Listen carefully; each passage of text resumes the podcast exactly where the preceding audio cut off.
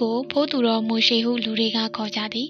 သူမျိုးရိုးနာမည်ဘယ်သူမှမခေါ်ကြတီလဲမသိကြသူကလူဆုံးဟိုဆက်ဆက်ဒီဆက်ဆက်သမားစစ်ကတ်မျိုးကလေးဤကျူးရက်ကွက်မှဝေချောင်းတစ်ခုတွင်အနေများသဖြင့်သူ့ကိုဖိုးသူတော်ဟုခေါ်ကြခြင်းဖြစ်ပါသည်စစ်ကတ်မှာ Transylvania ပြည်နယ်မှမြို့ငယ်ကလေးတစ်မျိုးဖြစ်သည်ကျွန်တော်ကြည့်ပြင်းခဲ့သည့်မြို့ကလေးဖြစ်ပါ၏မိုးရှိကလူချစ်လူခင်ပေါ်သည်သို့တော်လူတိုင်းကချစ်ခင်သည်တော့မဟုတ် သူသည်အလွန်ဆင်းရဲသူဖြစ်သည်ကျွန်တော်တို့မျိုးကလေးမှာမြို့သူမျိုးသားများသည်မရှိဆင်းရဲသားများကိုပေးကမ်းဆွန်ချက်တတ်သူများဖြစ်၏အချို့ကသူကိုမကြည့်ဖြူကြပေ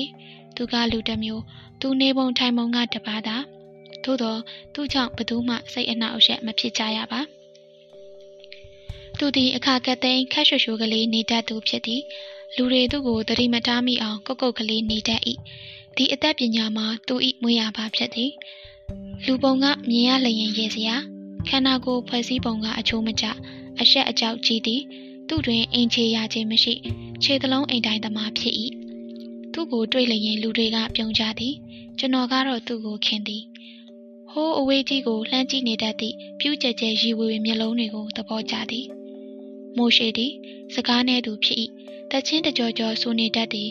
သူဆိုသည့်တချင်းများမှာဓမ္မတေးများဖြစ်၏ တချင်းဆိုရမှရုပ်ချီးရက်ပြီးဒုက္ခအကြောင်းပြောခြင်းပြောနေတတ်သည်ဓမ္မတစ်ကျမ်းစာကိုကိုကားပြီးကိုရောအရှင်ဤဝေဒနာကိုဟောခြင်းဟောနေတတ်သည်ကဖာလာကျမ်းတော်မြတ်၏အလိုအရာလူသားတို့အားဒုက္ခအပေါင်းမှကယ်တင်ရန်ဖျားသခင်သည်ဆောင်ဆိုင်လျက်ရှိကြောင်းလည်းအလေးအနက်ထားပြီးဟောပြောတတ်၏ သူ့ကို1942ခုနှစ်တွင်ကျွန်တော်စတွေ့ခြင်းဖြစ်သည်ဒီတုန်းကကျွန်တော်73နှစ်တောင်မပြည့်တတ်သည်အရာရာကိုထိုးထွင်းသိမြင်ခြင်းနေသည့်အတွက်နေ့လယ်ပိုင်းတွင်ဂျူးလူမျိုးတို့၏ဓမ္မဟောင်းတာလမော့ကျမ်းကိုသင်ရသည်ညအခါတွင်ဖះเจ้าတို့ပြေးပြီးဝင်ပြိုရသည်တနေ့တွင်အဖေကိုကျွန်တော်ပူဇော်သည်ကက်ဖာလာကျမ်းကိုကျွန်တော်သင်ချင်ပါသည်သင်ပေးမိစရာရှာပေးပါမည်အကြောင်းပြောတော့အဖေကကျွန်တော်ငယ်သေးကြောင်းရှင်းပြသည် ဒါငယ်လုံးပါသေးရဲ့ Miles More Nadis ကပြောတယ်အသက်30မပြည့်ခင်မှာထူးခြားတဲ့ဉာဏ်အမြင်တပ်ဝင်ယုံကြည်မှုကိုမလေ့လာရဘူးတဲ့သိအနေရများတဲ့တဲ့သူရှိမှသားတို့အရွယ်နားလည်နိုင်တဲ့အခြေခံကျမ်းစာတွေအများကြီးရှိရဲ့ဒါတွေကိုကျင့်ညက်အောင်အရင်လုပ်ရမယ်ကျွန်တော်အဖေသည်စာတက်ပေတတ်တူဖြစ်ပါသည်အရာရာကိုလက်တွေ့ကြကြတွေးခေါ်တတ်သူဖြစ်ပါသည်သို့တော်သူဘာတွေစဉ်းစားနေသည်ကိုထုတ်ဖော်လေးမရှိပါ မိသားစုဝင်များကိုပင်ထုတ်ဖော်ပြောလေးမရှိပြီးတော့ရရေးရွာရေးကိုမိသားစုကိစ္စထက်ဦးစားပေးသူဖြစ်၏ကျွန်တော်တို့ Siskat မျိုးကလေးဤဂျူရကတ်တွင်ရမီရက်ဖအဖေသည်လူယိုသေးယူရှင်ယိုသေးတအုပ်ဖြစ်သည်အားလုံးသူ့အကြံဉာဏ်ကိုယူကြရသည် သူတခွန်းပြောလျင်ပြီးသည်ကျွန်တော်တို့ညီကိုမောင်နှမ၄ယောက်ရှိသည်ဟီတာကအကြီးဆုံးသူ့အောက်ကဖီလ်ကျွန်တော်ကနံပါတ်3တဦးတည်တော့တာညီမအငယ်ဆုံးကလေးကစီပူရာ အဖေနှင့်အမေကစတိုးဆိုင်ကလေးတစ်ဆိုင်ဖွင့်ထားသည်အမအကြီးနှစ်ယောက်ကဆိုင်အလုပ်တွေကိုလုပ်ရသည်ကျွန်တော်ကအိမ်မနေပြီးစာသင်ရသည်အဖေကမကြာခဏပြောတတ်သည်ကက်ဖာလာတက်တဲ့သူစစ်ကတ်မှာတယောက်မှမရှိဘူးနော်ကျွန်တော်ကက်ဖာလာတင်ချင်နေမှန်းသူအမြဲတည်ထားမိတော့သည်ဒါကြောင့်ကျွန်တော်စိတ်ပြက်အောင်မကြာခဏပြောနေခြင်းဖြစ်ပါလိမ့်မည်သို့တော့အဖေရွယ်ချက်အထားမမြောက်ပါချေ ကျွန်တော်ကိုယ်တိုင်သင်ကြားပေးနိုင်သည့်ဆရာရှာသည်ကျွန်တော်ဆရာမှာဖိုးသူတော်မိုးရှိဖြစ်ပါ၏ဒီနေ့တွင်ကျွန်တော်ဖျားဝိပြုနေသည်ကိုသူစောင့်ကြည့်နေသည်ဖျားဝိပြုရင်မင်းဘာလို့ငိုတာလဲသူကကျွန်တော်စိတ်ထဲကို ဖောက်ထွင်းမြင်နိုင်သလိုကြည့်ပြီးမေးသည်အဲ့ဒါကျွန်တော်မသိဘူးကျွန်တော်ကစိတ်တက်ကြကြဖြင့်ပြန်ဖြေလိုက်သည်သူမေးခွန်းကိုကျွန်တော်ကိုကျွန်တော်တခါမှမမကြည့်ခဲ့ဘူးပါ ကျွန်တော်ဘာကြောင့်ငိုတယ်လဲဆိုရင်ဘာကြောင့်ငိုမိတယ်လဲဆိုရင်ကျွန်တော်ရင်ထဲမှာတစုံတရာအိတ်စိတ်စော်မှုကြောင့်ငိုချင်လာတတ်သဖြင့်ငိုချွေးမိခြင်းဖြစ်ပါသည် ကျွန်တော်တည်သမျှဒါပဲဖြစ်ပါသည်သူကခဏထိုင်ပြီးဆက်မိသည်မင်းဘာဖြစ်လို့ဖျားဝေးပြူတာလဲဘာဖြစ်လို့ဖျားဝေးပြူတာလဲတဲ့ကျွန်တော်ဘလို့ဖျားမှာလဲဘလို့မေးခွန်းကြည့်ပါလေကျွန်တော်ဘာကြောင့်အသက်ရှင်နေတယ်လဲ ဘာကြောင့်အသက်ရှူနေတယ်လဲကျွန်တော်ပို၍စိတ်တက်ကြစွာပြန်ပြေးလိုက်သည်ကျွန်တော်မသိဘူးကျွန်တော်မသိဘူးဒီနောက်ပိုင်းတွင် သူ့ကိုမကြာခဏတွေ့သည်သူကကျွန်တော်ကိုလေးနက်သောမိကုံးများ၏အဖြေကိုနည်းနည်းနည်းနည်းရှင်းပြသည်သူမေးသည့်မိကုံးများသည်ဖျားသခင်နှင့်နှိစက်သည်ဟုသူကပြောလေးရှိသည်ဒီအမေးပြေတဲ့တွင်တစ္ဆာတရားကိုရှာဖွေတွေ့ရှိနိုင်သည်ဟုသူကဆိုသည် လူသားကအမေးရှိသည်ဖျားသခင်ကဖြေချသည် သို့တော့ကိုတော်အရှင်ဤပြောကြားချက်တွေကိုကျွန်တော်တို့နားမလည်နိုင်ဘာကြောင့်နားမလည်နိုင်တာလဲအဖေတို့သည်လူသားဝိညာဉ်၏အနက်ဆုံးအပိုင်းတွင်သေလွန်သည့်တိုင်နစ်မြုပ်နေခြင်းကြောင့်ဖြစ်သည်ဒါကြောင့်တကယ်အဖြေဟာမင်းစီမှာပဲရှိတဲ့အဲလီစာဟုတ်သူကကျွန်တော်ကိုတရုပ်ခွဲပြသည်ဒါဆိုခမည်းကောဘာလို့ဖျားဝတ်ပြုတယ်လဲမို့ရှိကျွန်တော်ကသူ့ကိုပြန်မေးသည် ငါကငါခန္ဓာကိုယ်ထဲမှာကိန်းအောင်နေတဲ့ဖျားသခင်ကိုရှ िख ိုတာကိုရောအရှင်ဤနာမတော်ကိုတိုင်တယ်ပြီးတကယ်မေကုန်းနေမေးဖို့ခွန်အားရှိအောင်ငါပူဇော်တက်ကပြုတာကျွန်တော်တို့နှစ်ယောက်ဒီလိုပင်ညနေတိုင်းဆွေးနွေးကြသည်ဝိပုသူများပြန်သွားလျင်ဖះเจ้าနဲ့နှစ်ယောက်သားထိုင်ကြံရစ်ပြီးကုံကာနီးဖျောင်းတိုင်မိယောင်မိမ့်မိန်တွင်စကားပြောကြခြင်းဖြစ်၏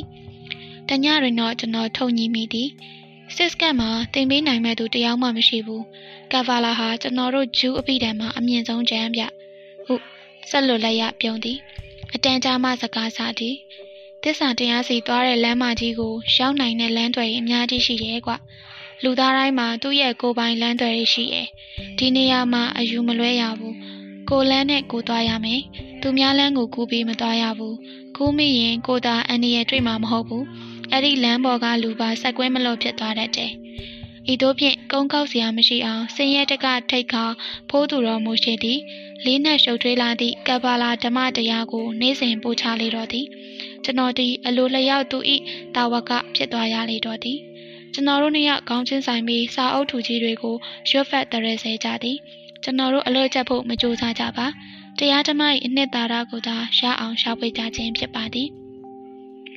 ဒီလိုနှစ်တွေရှေ့ကြလာသောအခါတွင်ဖိုးသူတော်မူရှိသည်ကျွန်တော်အားရှေ့ဆောင်နိုင်သည့်ဥပစ္စေဆရာပုဂ္ဂိုလ်ဖြစ်လိမ့်မည်ဟုယုံကြည်လာတော့သည်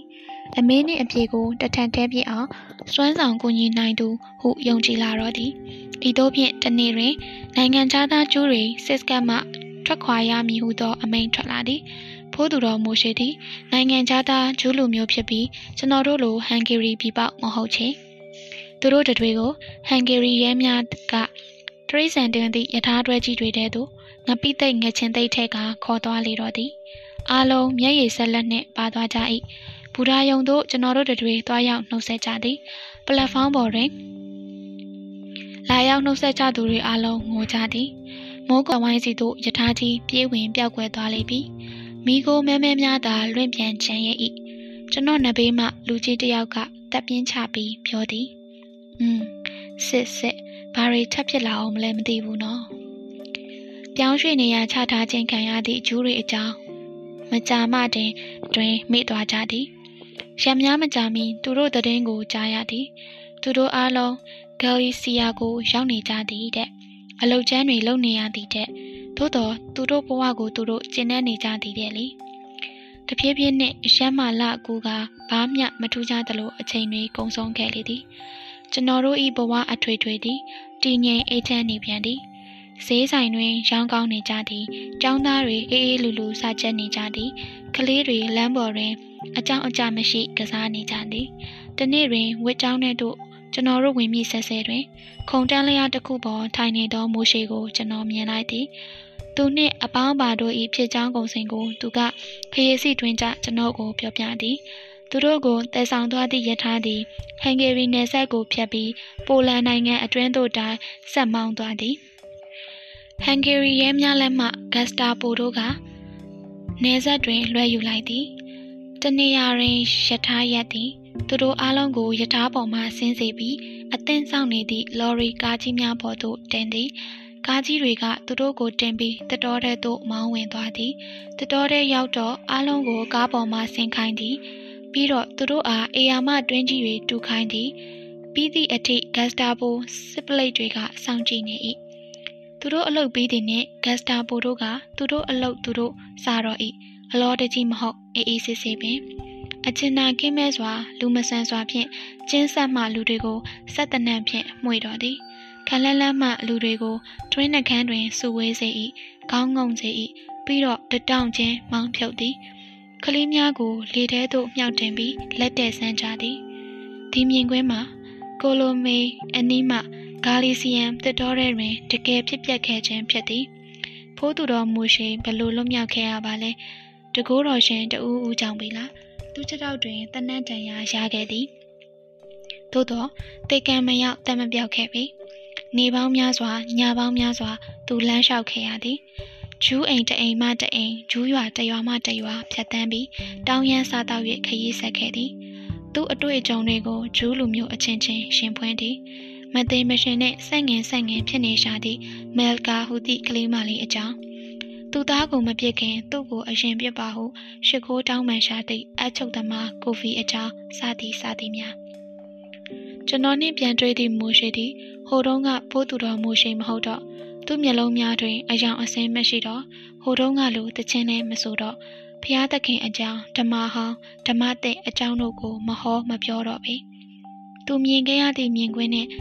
သူ့အတွေ့အကြုံကိုသာမိုးရှိထက်တလဲလဲပြောနေတော့သည်သို့တော်လူတွေကသူပြောတာတွေကိုမယုံဘသူမျှနားမထောင်ခြင်းကြောင့်တချို့ကဆိုလျင်သူ့ကိုလူတွေတနာလာအောင်လမ်းကျုပ်ဇလန်းတွေလှုပ်ကြံနေတာဟုထင်လာကြသည် ပြောလာကြသည် အချို့ကမူသူယူသွားပြီဟုထင်လာကြ၏မိုးရှိကငိုယိုတောင်းပန်ကပြောရှာသည်။အိုးမိတ်ဆွေတို့သွေးရင်သားရင်ကျူအပေါင်းတို့ကျွန်တော်ပြောတာကိုတစိမ့်နားထောင်ကြပါကျွန်တော်ကိုပေးကမ်းစွန်ကြဲဖို့မလိုပါဂယုဏတတ်ဖို့မလိုပါနားထောင်ယုံနားထောင်ပေးကြပါ သူကအာယုံတက်ဝိပုသူများကိုရောညာပိုင်းဝိပုသူများကိုပါဝေချောင်းတော်တွင်အော်ဟစ်တောင်းပန်ရှာသည်ကျွန်တော်ကိုယ်တိုင်သူ့ကိုမယုံပါဝိပုဆွတောင်းမှုပြီးချိန်တိုင်းသူ့တန်တာတွေကိုကျွန်တော်နားထောင်ပါသည်ယုံကြည်ဖို့ကြိုးစားပါသည်သို့တော်သူ့ကိုတနာယုံတာတနာပြီးယုံကြည်လို့မရခဲ့ပါသူကမျက်ရည်တွေတွေ့တွေ့ကြပြီးကျွန်တော်ကိုပြောသည်သူတို့ကငါ့ကိုယူနေပြီးထင်နေကြရဲ့ကွာ သူ့မျက်လုံးထဲမှာကြာလာသည့်မျက်ရည်ပေါက်တွေကဖျောင်းဆက်တွေနဲ့တူနေ၏တခါတော့သူ့ကိုကျွန်တော်မေးမိသည်လူတွေကခမည်းပြောတာကိုဘာလို့ခမည်းယုံစေချင်နေတာလဲမူရှိကျွန်တော်သာခမည်းနေရာမှာဆိုရင်သူတို့ယုံယုံမယုံယုံဂရုစိုက်မှာမဟုတ်ဘူးသူမျက်စိမှိတ်ထားသည်အချိန်တွေမြ мян ကုန်အောင်လုပ်နေသည့်အလားပြီးတော့စိတ်ပြက်လက်ပြက်ပြောသည်မင်းမသိဘူးအဲလီမင်းနားမလည်နိုင်သေးဘူးကွာ ငါကံကောင်းလို့လွတ်လာတယ်ငါဒီကိုအရောက်ပြန်လာနိုင်ခဲ့တယ်အဲ့ဒီခွန်အားတွေငါဘဲကရတယ်မင်းထင်တယ်ငါဒီကိုပြန်လာဖြစ်တာဟာငါသေသွားပြီဖြစ်တဲ့အကြောင်းမင်းကိုပြောချင်လို့ပဲဒါမှမင်းလဲမင်းကိုမင်းအစင်သင့်ပြင်ဆင်နိုင်မှာအချိန်ရှိသေးရဲ့အဲလီဘွားဆိုတာပါလဲငါဆက်ပြီးမနေချင်တော့ဘူးငါကဦးတလုံးတကောင်အတွက်ဒါပေမဲ့ငါဒီကိုအရောက်ပြန်လာခြင်းနေတယ်မင်းကိုတတိပေးဖို့ပဲဒါပေမဲ့ဘသူမှငါစကားကိုမယုံကြဘူးကွာ ဒီလိုသူပြောခဲ့အချိန်က1942ခုနှစ်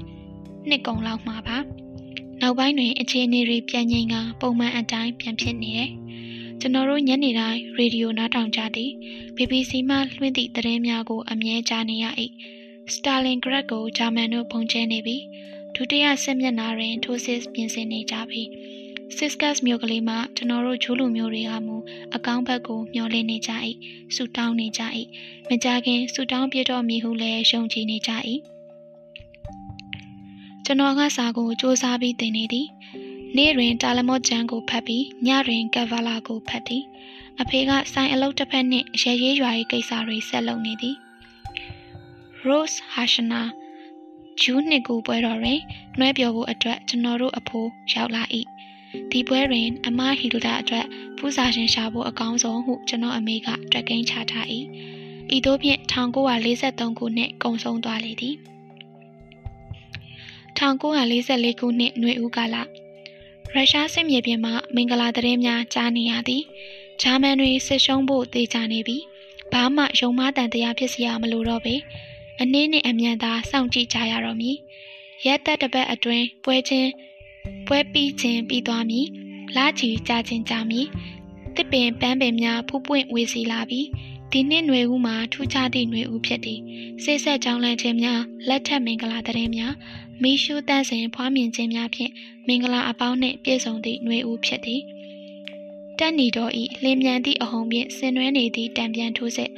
ငါတို့ကိုဟစ်တလာကရန်ပြုခြင်းသည့်တိုင်ဘာမျှတက်နိုင်မည်မဟုတ်တော့ဘူးစသည့်သတင်းများသည်လူသား၏နှုတ်ဖျားတွင်ရှောင်းနေသည်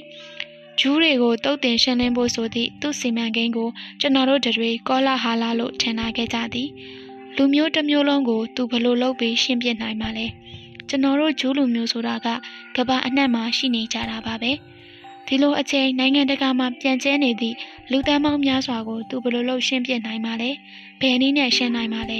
ပြီးတော့ခေတ်က20ရာစုနှစ်အလဲလူကြီးတွေကတော့တစ်ချိန်လုံးနိုင်ငံရေးဆွေးနွေးနေကြ၏စစ်တနကဗျူဟာအကြောင်းများတန်ရေးတမန်ရေးကိစ္စများပြီးတော့ဇာယွန်ဝါဒအကြောင်းများသို့တော့သူတို့ကျမအကြောင်းကိုကလုံးဝပြောတယ်မကြရပေ ဖိုးသူတော်မိုးရှိသည်ပင်ဘာမှမပြောတော့ပဲနှုတ်ဆက်နေ၏စကားပြောဖို့စိတ်မဝင်စားသလိုခေါင်းငိုက်စိတ်ချကလမ်းတကာလျှောက်သွားနေ၏လူတွေနှင့်မျက်နှာချင်းမဆိုင်တော့ပေ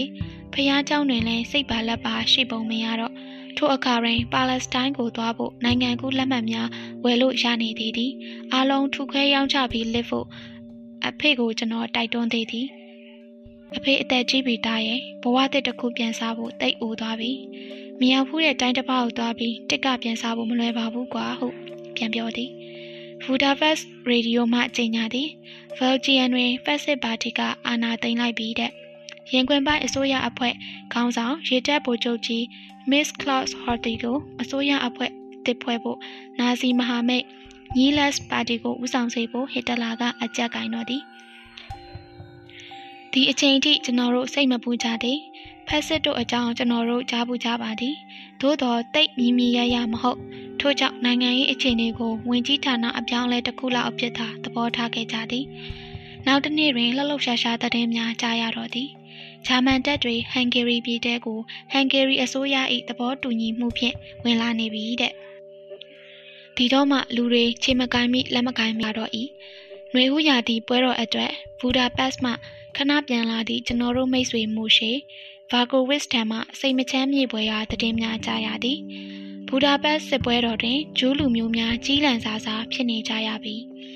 ဂျူးစန့်ကျင်ရေးတွေနေရာတကာတွင်စတင်နေပြီတဲ့ဖက်စစ်ဝါဒကဂျူးလူမျိုးပိုင်းဆိုင်များကိုလည်းဖျက်ချသည်တဲ့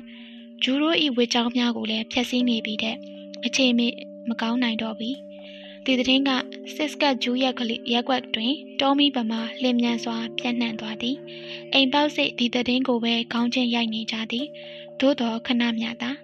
ဂျာမန်နေတလောက်ဝေးဝေးကြီးကိုရောက်မလာနိုင်ပါဘူးဟုအကောင်းဘက်မှတွေးပြီးစိတ်သက်သာသလိုနေလိုက်ကြပြန်သည်ဘူဒါပက်မှပဲသူတို့စခန်းချလိမ့်မည်စစ်ရေးနိုင်ငံရေးအတွက်ရုံးဆိုင်လိမ့်မည်ဟုထင်မှတ်နေခဲ့ကြသည်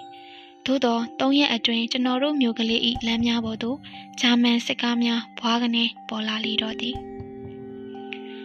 တန်ခမောက်တွေတလက်လက်မျက်နှာသားတင်းတင်းနဲ့ဂျာမန်စစ်သားများရောက်လာချေပြီသူတို့၏စက်ကြတစိမ့်မှာတေမင်း၏ဦးကောင်းနှင့်တူ၏မြည်သူရှိစေပထမပိုင်းတွင် သူတို့ကိုထွင်သလောက်မစိုးဟုမြင်စပြုလာကြသည်အရာရှိများကအယက်သားအိမ်များတွင်စခန်းချကြသည် အချို့ကဂျူးလူမျိုး၏အိမ်တွင်ပင်တဲကိုကြသေးသည်အိမ်ရှင်များနှင့်ဂျာမန်တို့၏ဆက်ဆံရေးမှာအိမ်ရှင်များနှင့်ဂျာမန်တို့၏ဆက်ဆံရေးမှာတရင်တနည်းမဟုတ်တော့လဲသူတို့အားလုံးရှင်ကျေးကြသည်အတင်းအကျပ်တောင်းဆိုမှုများမရှိနိုင်တက်စီးနှင်းမလို့အိမ်ရှင်များနှင့်ပြုံးပြုံးရွှင်ရွှင်ဆက်ဆံသည်ကျွန်တော်တို့နှင့်မျက်နှာချင်းဆိုင်မှခန်းမိသားစုစီတွင်တဲသည့်ဂျာမန်စစ်ဗိုလ်ဆိုလျင်အလွန်သဘောကောင်းရှာသည် Mrs. Khan ကိုချောကလက်ဖာလိုက်လက်ဆောင်ပေးသည်သူတို့ဘယ်မှာစိုးလို့တော့ရက်ဆက်မှုအပေါင်းတရဖူဆောင်ဆိုဒီလိုဒီလိုအမြင်တွေပြောင်းလာပြီးအကောင်းမြင်ကြပြန်သည်ကျွန်တော်တို့မြို့ကလေးတွင်ဂျာမန်တွေတဖြည်းဖြည်းများလာသည်မြို့ကန်တွေနှင့်ပြည်လဲနေသဖြင့်ကျွန်တော်တို့အားလုံးဟင်းချပြီးပြုံးနိုင်လာကြသည်။ຫນွေဦးပွဲတော်ရသည်ရှေ့ရက်ကာလရာသီဥတုမှာကြည်လင်လှပ၍နေလေသည်အမေကမိဖို့ကြောင့်တွင်အလုံးရှုံနေသည် ဝစ်ချောင်းတွေပိတ်လိုက်ရပြီကျွန်တော်တို့တွေအိမ်တအိမ်တွင်စုပြီးဝစ်ပြုစုတောင်းကြရသည်ဓမ္မဆရာများ၏အိမ်တိုင်းလိုလိုသည်ဝစ်ပြုစုတောင်းရာနေရာဖြစ်လာတော့သည်ကျွန်တော်တို့တွေတောက်ကြစားကြတချင်းဆိုကြသည်ဤဒီမှာကျန်းတော်လာရှေ့ရက်ကာလပျော်ပွဲရှင်ပွဲဖြစ်၏သို့တော့ကျွန်တော်တို့အားလုံးစိတ်တထင်ထင်ဖြင့်ပျော်နေကြရခြင်းဖြစ်သည်မြန်မြန်ပွဲပြီးစေခြင်းနေကြပြီဟန်ဆောင်ပွဲကြီးကိုဆက်မနှွဲခြင်းကြတော့ ပွဲတော်တတမမြောက်နေ့တွင်မင်းသားကောင်းဆောင်ထားသောဘီလူများမျက်နှာဖုံးခွာချလိုက်ကြတော့သည်လူမှုရေးကောင်းဆောင်ဂျိုးလူမျိုးများကိုစတင်ဖမ်းဆီးတော့၏ထိုအချိန်မှစ၍အဖြစ်ပြက်များကမြန်ဆန်လာသည်တေမင်းနိုင်ငံသို့အပြေးပြိုင်ပွဲကြီးစလေပြီသည်ပထမဆုံးကြေညာချက်ဂျူးလူမျိုးများ၃ရက်လုံးလုံးအိမ်ပြင်မထွက်ရအမိတ်မနာခံလျင်တေတံဖိုးသူတော်မိုးရှိကျွန်တော်တို့အိမ်ပြေးချလာသည် ကဲကျွန်တော်မပြောဘူးလားဟုအော်ပြီးအဖေဘာမှမပြောနိုင်ခင်ပြန်လှည့်ပြေးထွက်သွားသည်ထိုနေ့တွင်ပင်ဟန်ဂေရီရဲများကဂျူးရက်ကတွင်အိမ်ပေါက်စိတ်တက်ပြီးဥပဒေနောက်ထပ်တိုးပြန်သည်ဂျူးလူမျိုးမှန်သမျှရွှေငွေကြောက်မြတ်ရတနာပိုင်ဆိုင်ခွင့်မရှိတဲ့ရှိလျင်ရှိသမျှအားလုံးသက်ဆိုင်ရာသို့အနှံ့ရမည်တဲ့အအမိတ်မနာခံလျင်တည်တဲ့အဖေကမြေအောက်ခန်းဆင်းပြီးအတွင်းပစ္စည်းတွေတူးမြုပ်သည် အမေကမူအိမ်ထဲတွင်ဟိုလျှောက်ဒီလျှောက်နှင့်ရောင်နာနာဖြစ်နေသည်တခါတလေရက်ပြီးအိမ်သားတွေကိုအကြောင်သားငေးကြည့်နေတတ်သည်နောက်၃ရက်အကြာတွင် အမိန့်တစ်ခုထပ်ထွက်သည်ဂျူးလူမျိုးတိုင်းလက်ပတ်အဝါစီးထားကြရမည်လူကြီးအချို့အဖေးစီရောက်လာပြီးတိုင်ပင်ကြသည် အဖေကဟန်ဂေရီရဲဘက်မှ အရာရှိကြီးတွေနှင့်အကျွမ်းဝင်သောကြောင့်ဖြစ်၏ အခြေအနေတွေနှင့်ပတ်သက်ပြီးအဖေအားဝိုင်းမိကြသည်အဖေသဘောထားကအကောင်းပဲရှိန်သည်တိတ်ဆိတ်မှုစရာမလိုသေးကြောင်းပြောသည်သူတို့တွေစိတ်တက်မကြအောင်အဖေပြောလိုက်ခြင်းဖြစ်၏ဒဏ်ရာတဲကိုအဖေစားပတ်လိုဟန်မတူပေလက်ပတ်ဝါပတ်ရတာဘာပန်းချစ်လို့လဲကွာတေရွာသွားရတာမှမဟုတ်ပဲအော်အဖေအဖေအမားကြီးမားရှာတော့အဖေအမိတ်နေဇက်တိုက်ထွက်လာသည် စားတောက်ဆိုင်များလက်ဖက်ရည်ဆိုင်များသို့ဝင်ခွင့်မရှိတော့နောက်ပိုင်းတွင်ယထာစီခွင့်စူယုံဝစ်ပြုတ်ခွင့်ပါရုပ်သိမ်းလိုက်တော့သည်ည6နာရီကျော်လျင်လမ်းပေါ်မထွက်ရတော့ပေနောက်ဆုံးတွင်ကျွန်တော်တို့လူမျိုးတွေကိုတနေရာတွင်စုထားပြီးတန်ဆူကြိုးခတ်လိုက်တော့၏စစ်စကတ်တွင်ဂျူးစကန်နှစ်ခုဖွင့်လိုက်သည်ပထမစကန်မှာမြို့လေကောင်လမ်းလေးကွာဆောင်တွင်ဖြစ်၏သည့်စကန်ဖြစ်၏ဒုတိယစကန်ကတိတ်မကြီးမြို့ပြင်ရက်ကွက်တွင်ဖြစ်သည် ကျွန်တော်တို့နေသည့် service လမ်းကပထမစကန်တွင်ပါသွားသည်ကျွန်တော်တို့ကိုယ်အိမ်တွင်ပင်ဆက်နေခွင့်ရသည်ကျွန်တော်တို့အိမ်ကလမ်းတောင်အိမ်ဖြစ်သည်လမ်းကိုမြင်နေရသည့်မျက်နှာစာနှင့်အိမ်နဘေးတစ်ဖက်မှ brain ပေါက်တွေကိုအသေးပိတ်ပေးလိုက်ရသည်လမ်းပေါ်ကိုအိမ်ထဲမှအလန်းမမြင်ရတော့ပေအခန်းလွတ်တွေကိုသူတို့အိမ်မှမောင်းချခံရသည့်ဆွေမျိုးများအားပေးထားသည်တဖြည်းဖြည်းနှင့်ဒီဘဝတွင်ကျွန်တော်တို့နေသားကြလာသည်။ နန်းရံတွေလိုမျိုးတန်ဆူးကြိုးတွေကာရန်ထားသည်ကိုကြောက်စရာဟုမထင်တော့ကိုလူမျိုးအချင်းချင်းစွစွစီစီနေနေရသဖြင့်အင်းမစိုးပါဘူးဟုဖြေကြရသည်။ဂျူးသမရနိုင်ငံတေတေကလေးတီထောင်ဖြစ်ပြီးဟုသဘောထားကအုတ်ချုပ်ရေးကောင်စီတက်ဖို့ ဖွဲ့လိုက်ကြသည်ပြီးတော့ဂျူရိုအဖွဲ့တာရင်နာရေးအသင်းအလုံသမားရေးရာအဖွဲ့ကျန်းမာရေးကော်မတီစသည်စသည်ဖြင့်အစိုးရအဖွဲ့တစ်ဖွဲ့အတိုင်းတောင်းစိတ်အောင်စီယုံဖွဲ့စည်းကြသည်လူတွေအားတက်လာကြ၏ရန်လုံမိုးထားသည့်ဂျာမန်မျက်နှာများကိုဂယုစိုက်เสียမလို့တော့ကြောက်ရွံ့ခြင်းမှကင်းဝေးလာကဂျူးလူမျိုးအချင်းချင်းညီအကိုအချင်းချင်းအတူတကွလက်ရည်တပြင်းတည်းနေခွင့်ရနေခြင်းအတွက်တဖြည်းဖြည်းပြောလာကြသည် သို့သောစိတ်အနှောက်အယှက်ဖြစ်စရာများကတော့ရှိနေမြဲပင်ဂျာမန်တွေကစိတ်ရထားတွေပေါ်သို့မိသွေးတင်ဖို့ယောက်ျားများအားလှုပ်အားဆင့်ခေါ်သည်သို့သောနေဆဒူဝါတော့မဟုတ်ဒီလိုကိစ္စကလေးများမှလွဲ၍အခြေအနေအရရက်သည်ထူးခြားစွာအေးငိမ့်လျက်ရှိသည် လူတိုင်းဤစိုးရိမ်စိတ်များမဲမိန်အိပ်ပျော်နေလေသည်စစ်ကြီးပြီးသည့်အထိဒီအတိုင်းစကန်းသွားရတော့မည်ဟုကျွန်တော်တို့အားလုံးယုံကြည်နေ၏ တက်တက်နေတော့ရောက်အလာကိုအသားကလေးစောင့်နေရုံသာရှိသည်ဟုထင်မှတ်နေကြ၏ပြီးလျင်အရင်အတိုင်းပြန်ဖြစ်လာမည်ပေါ့ကျွန်တော်တို့စကန်းကိုဂျာမန်တွေအုပ်ချုပ်နေသည်မဟုတ်ဂျူးတွေအုပ်ချုပ်နေခြင်းလည်းမဟုတ်မရေရာမသေးချခြင်းကအုပ်ချုပ်နေခြင်းဖြစ်လေသည်တီးနှံရသည်ကျေးဇူးတော်ပွဲမတိုင်မီနှစ်ပတ်အလိုနေကြီးဖြား၍နှွေးသောနေ့တစ်နေ့ လမ်းများပေါ်တွင် လူတွေအေးအေးလူလူလမ်းတလားနေကြချိန်တယောက်နှင့်တယောက်လှမ်းနှုတ်ဆက်လိုက်ကြ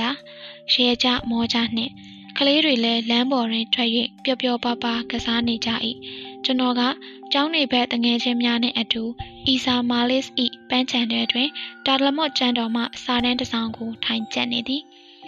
ညပိုင်းရောက်တော့ကျွန်တော်တို့အိမ်ရှိတွင်လူ20ခန်းစုပြီးစကားပြောနေသည် ကျွန်တော်အဖေကအခြေအနေတွေကိုသုံးသပ်ပြနေသည်ဖြစ်ရမှန်ဇလန်းများကိုညက်ခါညက်ခါဖြင့်အဖေသည်ပုံပြောကောင်းသူတစ်ယောက်ဖြစ်သည်ထို့စဉ်ဝုံကနေဝင်းတကားပွင့်လာပြီးဝဟိုတုန်းကဈေးတင်ယခုဂျူးရဲဖြစ်နေသည့်စတန်ပြေးဝင်လာသည်မောကြီးပန်းကြီးနှင့်အဖေစီတန်းပြေးသွားသည်မှောင်နေပြီဖြစ်တော်လဲအဖေမျက်နှာဖြူဖက်ဖြူရောဖြစ်သွားသည်ကိုကျွန်တော်တသေးချာချာလှမ်းမြင်လိုက်သည်ဘာဖြစ်တာလဲ အဖေကိုကျွန်တော်တို့ဝိုင်းမိကြသည်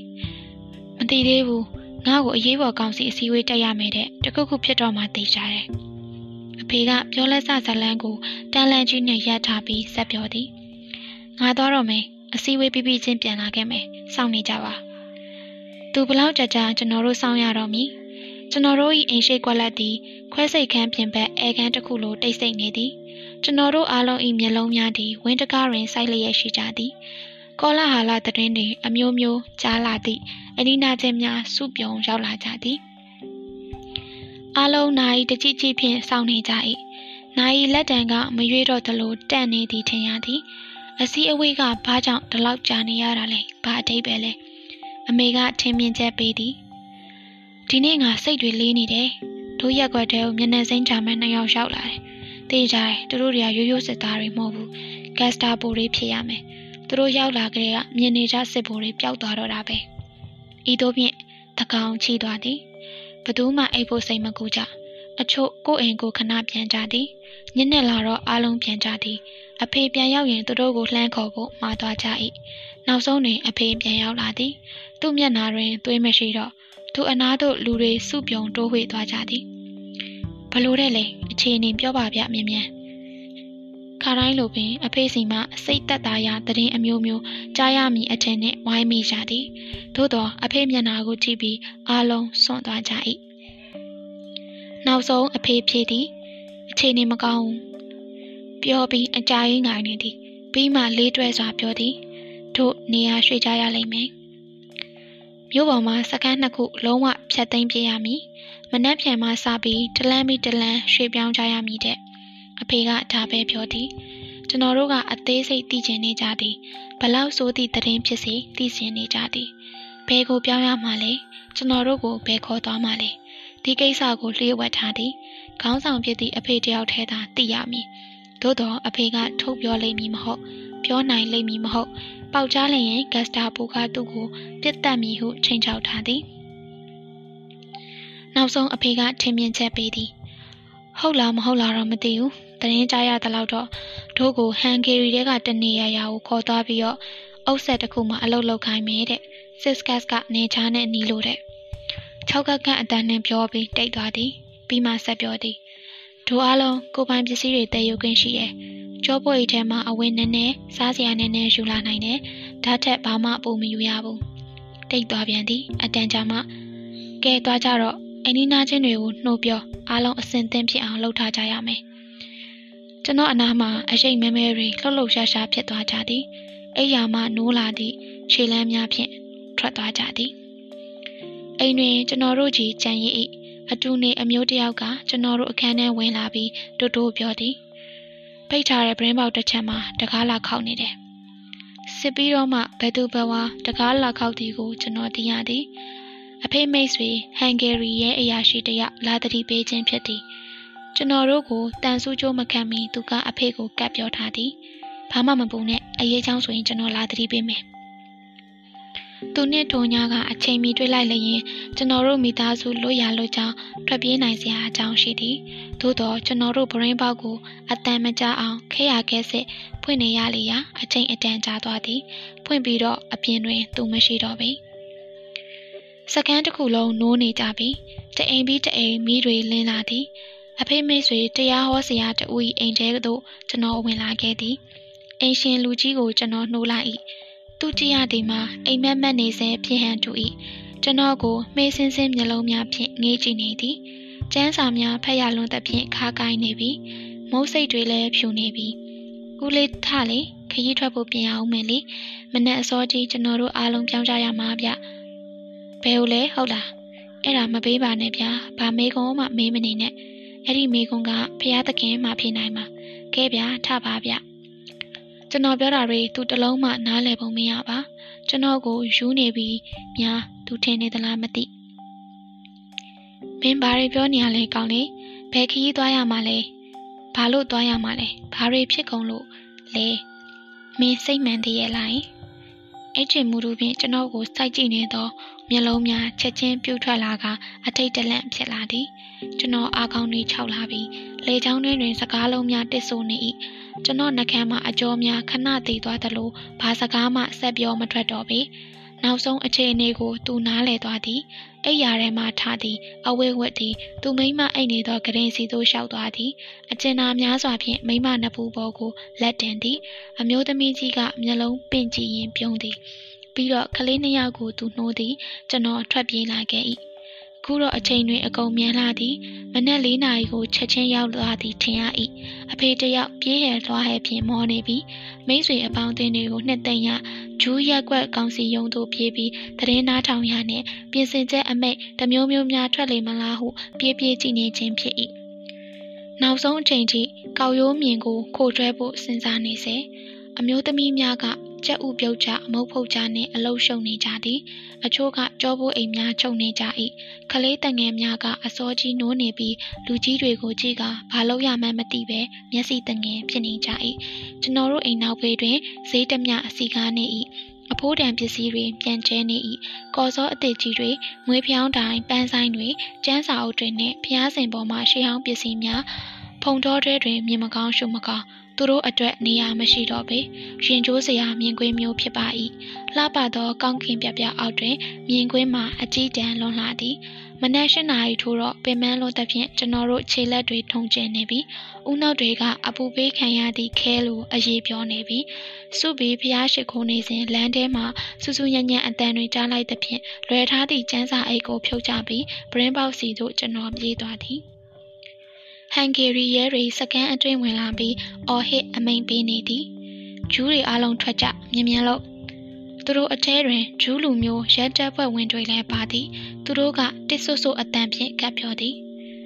ကဲအားလုံးကိုစွန့်ခဲ့ကြပြီတော့အချိန်ကြပြီကျွန်တော်တို့လည်းဘာမှမတတ်နိုင်ဘူးဟန်ဂေရီရဲများကသူတို့အလုတ်မမြန်ပြီးစေဖို့သူတို့၏ဒုတ်တွေတနတ်တင်တွေစိတ်တိုင်းကြအသုံးချတော့သည်တက်ကြီးရွယ်အိုတွေကိုပါချမ်းသာမပေး မတန်မဆွမ်းဒုက္ခိတတွေကိုပါမညာမတာရိုက်သည်အိမ်တွေပေါ်မှတယောက်ချင်းမောင်းချသည်လူတိုင်းအထုပ်အပိုးကိုစီထမ်းပြီးစင်ကြရသည်ဆယ်နာရီတွင်အိမ်တွေဟောင်းလောင်းဖြစ်သွားသည်လူတွေအားလုံးလမ်းပေါ်ရောက်နေပြီးရဲကအိမ်တောင်စုစရာနှင့်တိုက်ပြီးလူစရင်ခေါ်သည်တစ်ချိန်နှစ်ချိန်ကျင်းတဲ့အထိစစ်စစ်ဆက်ဆက်စစ်သည်အားလုံးပေါင်းအကြိမ်20နေကတဖြည်းဖြည်းအပူရှိန်ပြင်းလာသည် လူအလုံး၏မျက်နှာများပေါ်တွင်ချွေးတွေပြိုဆင်းနေသည်ကိုဘော်ရင်ကဆက်ဆက်နေနေကြပြီကလေးတွေအော်ငိုပြီးရေတောင်းကြသည်ရေကအိမ်တိုင်းတွင်ရှိသည်အိမ်ရှိမှရောအိမ်နောက်မှပါဘဲအိမ်မဆိုရှိသည်သို့တော့ဘသူမှမလှုပ်ရဲကြအမေရေးစားတယ်ရေးစားတယ်ဟန်ဂေရီဂျူးလူမျိုးရဲများကခိုးချောင်ခိုးဝက်ရေးရှာပေးကြ၏ ကျွန်တော်တို့မိသားစုကနောက်ဆုံးရထားကြမှစီကြရောက်မည်ဖြစ်၍ဟိုဟိုတီတီသွားခွင့်ရသဖြင့်ဂျူးရဲတွေကိုအကူအညီပေးနိုင်ခဲ့ကြသည် နောက်ဆုံးမွန်းလဲတနာရီတွင်မှစကန်းကထွက်ဖို့အမိန့်ရသည်အားလုံးပျော်သွားသည်လမ်းပေါ်တွင်တန်းစီပြီးကြောပိုးအိတ်တွေတနှင်တပိုးလွယ်ကပူပြင်းလာသောရာသီဥတုတွင် နေပူလန်းခံနေရသည့်ဘဝမှလွတ်မြောက်ကြရတော့မည်မဟုတ်ပါလားတသက်လုံးနေလာခဲ့ကြသည့်အိမ်တွေကိုလှည့်မကြည့်ကြတော့လမ်းတွေကိုလည်းလှည့်မကြည့်ကြတော့ပန်းချံတွေတင်းချိုင်းတွေကိုလည်းခေါင်းငယ်ကြီးမိသူမရှိကြတော့ပေ လူတိုင်းလူတိုင်းနောက်တွင်ကြောပိုးအိတ်ကိုစီတည်ဆောင်လာခဲ့ကြသည် လူသားတိုင်း၏မျက်ဝန်းထဲတွင် မျက်ရည်တွေတွေကျနေသည် လူဒန်းကြီးသည်ဖြည်းဖြည်းချင်းရွေရှားနေ၏စကန်း၏အစွန်ဆုံးဂိဝါစီသို့ဥတီရှောင်းနေကြခြင်းဖြစ်လေသည်ကျွန်တော်တို့လမ်းနှစ်ဘေးတွင်ရပ်ပြီးဒီလူဒန်းကြီးကိုငေးကြည့်နေ၏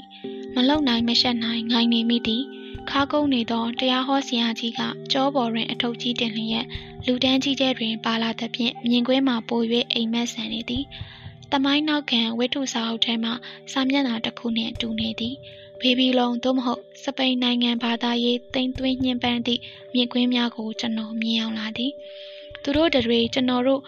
ကိုဖျက်ကျော်သွားနေကြသည်။တယောက်ပြီးတယောက်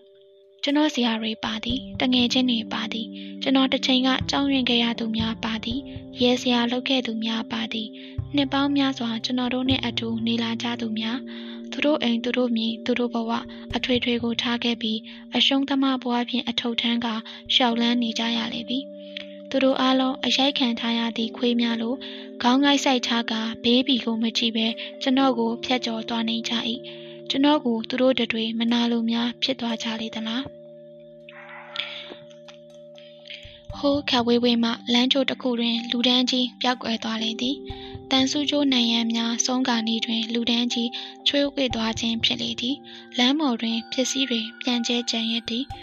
လက်ဆွဲတစ်တာတွေဓားတွေပကံခွက်ရောက်တွေပတ်စံတွေစက်ကူတွေဆေးရောင်မိန်နေသည့်ရုပ်ပုံကားချက်တွေမှုန်တိုင်းတိုက်ခံရသည့်ပွဲစည်းခင်းနှင့်တူနေ၏ အားလုံးတပါးတည်းယူသွားမိပစ္စည်းများဖြစ်၏အပြေးအလွှားမနိုင်မနှင်းဖြစ်ကလမ်းပေါ်တွင်ကြကြံခဲ့ခြင်းဖြစ်သည်အခုတော့ဘာမှအကြောင်းမဟုတ်တော့ပြီအိမ်တိုင်းအိမ်တိုင်းအိမ်တကားတွေပွင့်ကြံခဲ့လေသည်ပိုင်ရှင်မဲ့ဘွားဖြင့်ကြံရင်ခဲ့ခြင်းဖြစ်၏ဖွင့်ထားသည့်အုပ်ကုံများလိုယူခြင်းသူယူကြပါစေနေချစ်ချစ်တော့ပူသောနေ့ထိုနေ့ကကျွန်တော်တို့အားလုံးဘာမှမစားရဘဲတနေကုန်သွားသည်သို့တော့ဘသူမှမစားကြ စားဖို့တတိမရနိုင်လောက်အောင်ခြေကုံလက်ပန်းကြာနေကြပြီအဖေကပထမအတုပ်သွားလေသူများကိုဂိတ်ဝအထိလိုက်ပို့သည်သူတို့တတွေကိုဝစ်ကြောင်းတော်ကြီးတဲ့တွင်ရက်ခိုင်းပြီးအထုပ်အပိုးတွေဖြေကစစ်သားတွေကရှာဖွေကြခြင်းဖြစ်သည်ရွှေနှင့်လက်ဝတ်ရတနာတွေကိုရှာဖွေကြခြင်းဖြစ်သည်အရိုက်နဲ့ခံကြရသူများရှိသည်မူးလဲမေ့မျောသွားသူများရှိသည်ကျွန်တော်တို့အလှဲ့ဘယ်တော့ကြမှာလဲဖေကျွန်တော်ကမေးလိုက်သည်တို့အလှဲ့ကတပတ်ခါ ဒါပေမဲ့တကယ်လို့ကံကြမ္မာအလှဲ့အပြောင်းတစ်မျိုးမျိုးဖြစ်လာရင်ဘယ်ကိုသွားကြရမှာလဲဘယ်ကိုခေါ်သွားနေတာလဲဘယ်သူမှမသိသူတို့လျှို့ဝှက်မှုကတိတ်တီးချစ်လက်လာသည်ညပိုင်းသို့ရောက်လာခဲ့ပြီကျွန်တော်တို့စောစောအိပ်ရဝင်ကြသည်အဖေကမအိတ်ခင်ကျွန်တော်တို့ကိုပြောသည်ကလေးတွေစိတ်ချလက်ချအိတ်ကြတပတ်ခါဒီဘာမှအကြောင်းထူမှမဟုတ်ပါဘူးအဖေပြောသည့်တပတ်ခါမှအင်္ဂါနေ့ဖြစ်သည် တင်းနာနေသည့်ဝေလီဝေလင်းအိမ်မက်လူလူနှွေဦးလေပြေတွင်လွင့်နေသည့်တိမ်မြင်ကလေးများလူလူမရေမရာကုံဆုံးသွားလေသည်ကြောပိုးအိတ်တွေပြင်ကြမုတ်ဖုတ်ကြနေမှုကျွန်တော်တို့တအိမ်သားလုံးဘာမှထွေထွေထူးထူးတွေးမနေအားတော့ပြီလှုပ်ရှားရှိသည်ကိုလှုပ်ကြရတော့မည်မဟုတ်လားထိုညတွင်အမေကကျွန်တော်တို့ကိုစောစောအိပ်ရာဝင်ခိုင်းသည်အောင်းမွေးကြရမည်ဟုဆိုသည်ကျွန်တော်တို့ကိုမွေးခဲ့သည့်အိမ်တွင်နောက်ဆုံးအိပ်ရမည်ညဖြစ်လေသည် အာယုံမတက်မီကျွန်တော်နိုးနေသည်အိမ်ကမထွက်ခင်ဖျားဝေးပြုခြင်းရှားမှရှားပါမလားမသိအဖေကကျွန်တော်တို့ထက်စောစောထားပြီးအခြေအနီးစနေနာဖို့မြို့ထဲထွက်သွား၏၈နာရီလောက်တွင်သတင်းကောင်းနှင့်ပြန်လာသည်ဒီနေ့ကျွန်တော်တို့မထွက်ရသေးဘူးတဲ့မျိုးစုံရက်ကွက်မှဂျူးစကန်ကိုပထမပြောင်းကြရမည်နောက်ဆုံးအတုံးနှင့်ထွက်ဖို့အဆောင်ချရမည်9နာရီထိုးတော့တနင်္ဂနွေနေ့ကပုံစံအတိုင်းပြန်တွေ့ရသည်ရဲတွေကဒုတ်တဝင်းဝင်းနဲ့လမ်းထဲတွင်လိုက်អော်နေသည် ဂျူးတွေအိမ်ပြင်ထွက်အားလုံးထွက်ကျွန်တော်တို့ကအားလုံးအသင့်ပြင်ထားပြီးဖြစ်၍အရင်ဆုံးထွက်လိုက်သည်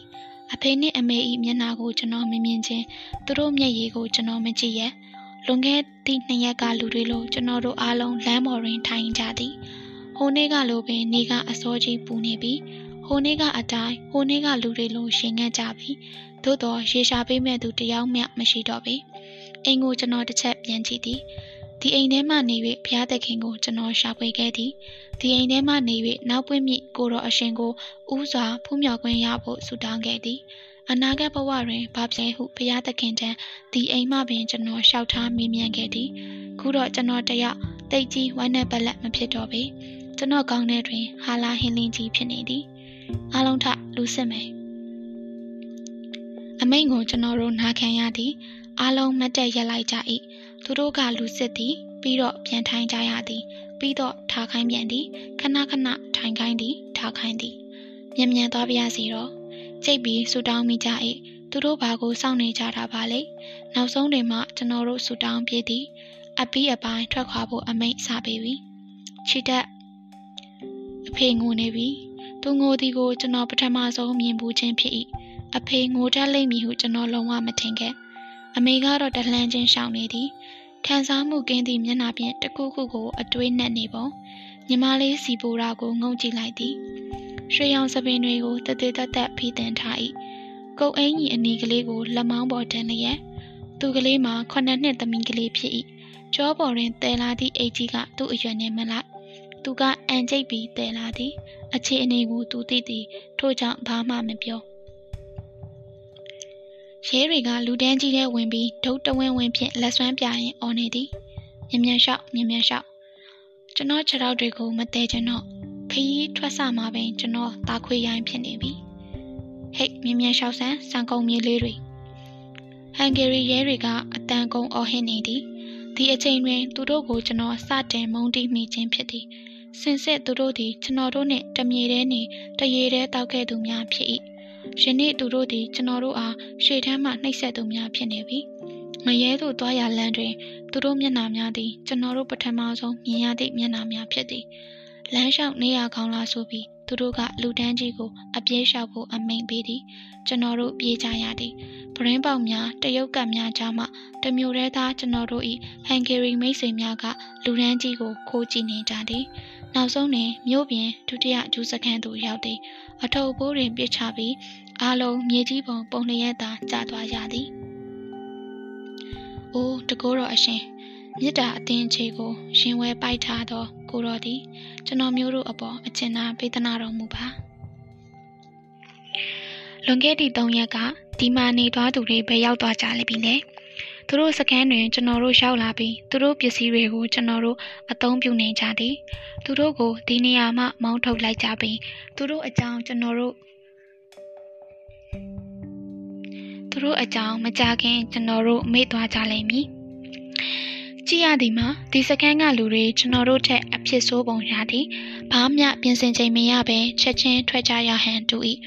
ကျွန်တော်တို့ဦးလေးတော်သောအန်ကယ်မင်တယ်နေသွားသည့်အိမ်ထဲသို့ကျွန်တော်ဝင်ကြည့်သည်စပွဲပေါ်တွင်စွပ်ပြုတ်ပကံကတဝက်တစ်ပြက်ပုံစံခွက်ထဲသို့မုတ်ဖုတ်ဖို့ဂျုံထဲမိဆဲဆဲပစ္စည်းတွေကဖယိုဖယဲကျမ်းပြင်ပေါ်တွင်စာအုပ်တွေပြန်ချိန်လျက်ဒီစာအုပ်တွေကကိုနှစ်မကာယူသားရမည့်စာအုပ်များဖြစ်၏ ကျွန်တော်တို့စတဲချရမည့်အိမ်ရောက်တော့ပထမဆုံးထင်းရှာရသည် အမတွေကမိမွေပေးသည် အမေကပင်ပန်းနေသည့်ကြားမှချက်ပြုတ်ရသည်စိတ်တက်မကြကြနဲ့စိတ်တက်မကြကြနဲ့ခုတဖွာဖွာပြောရင်အလုံးလုံးနေခြင်းဖြစ်၏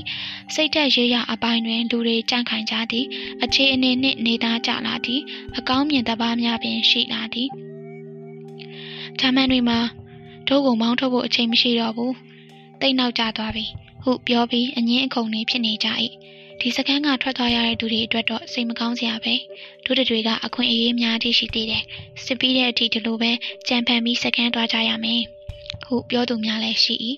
ဒီစကန်းကိုအဆောင်ချမထားပြီးကြိုက်တယ်လို့ဝင်လို့ထွက်လို့ရသည်တခါတော့ကကျွန်တော်တို့အိမ်တွင်အိမ်ပေါ်လောက်သွားဖို့သည့်မာရီယာရောက်လာသည် တရှုံရှုံနဲ့ငိုပြီးသူတို့ရွာကိုလိုက်ခဲ့ဖို့ခေါ်သည်လုံခြုံသည့်နေရာမှာသူဝှက်ထားပေးမိအကြောင်းပြောသည်အဖေကိုဘလို့မှနားဝင်အောင်ပြောလို့မရကျွန်တော်နဲ့အမတွေကိုပြောသည်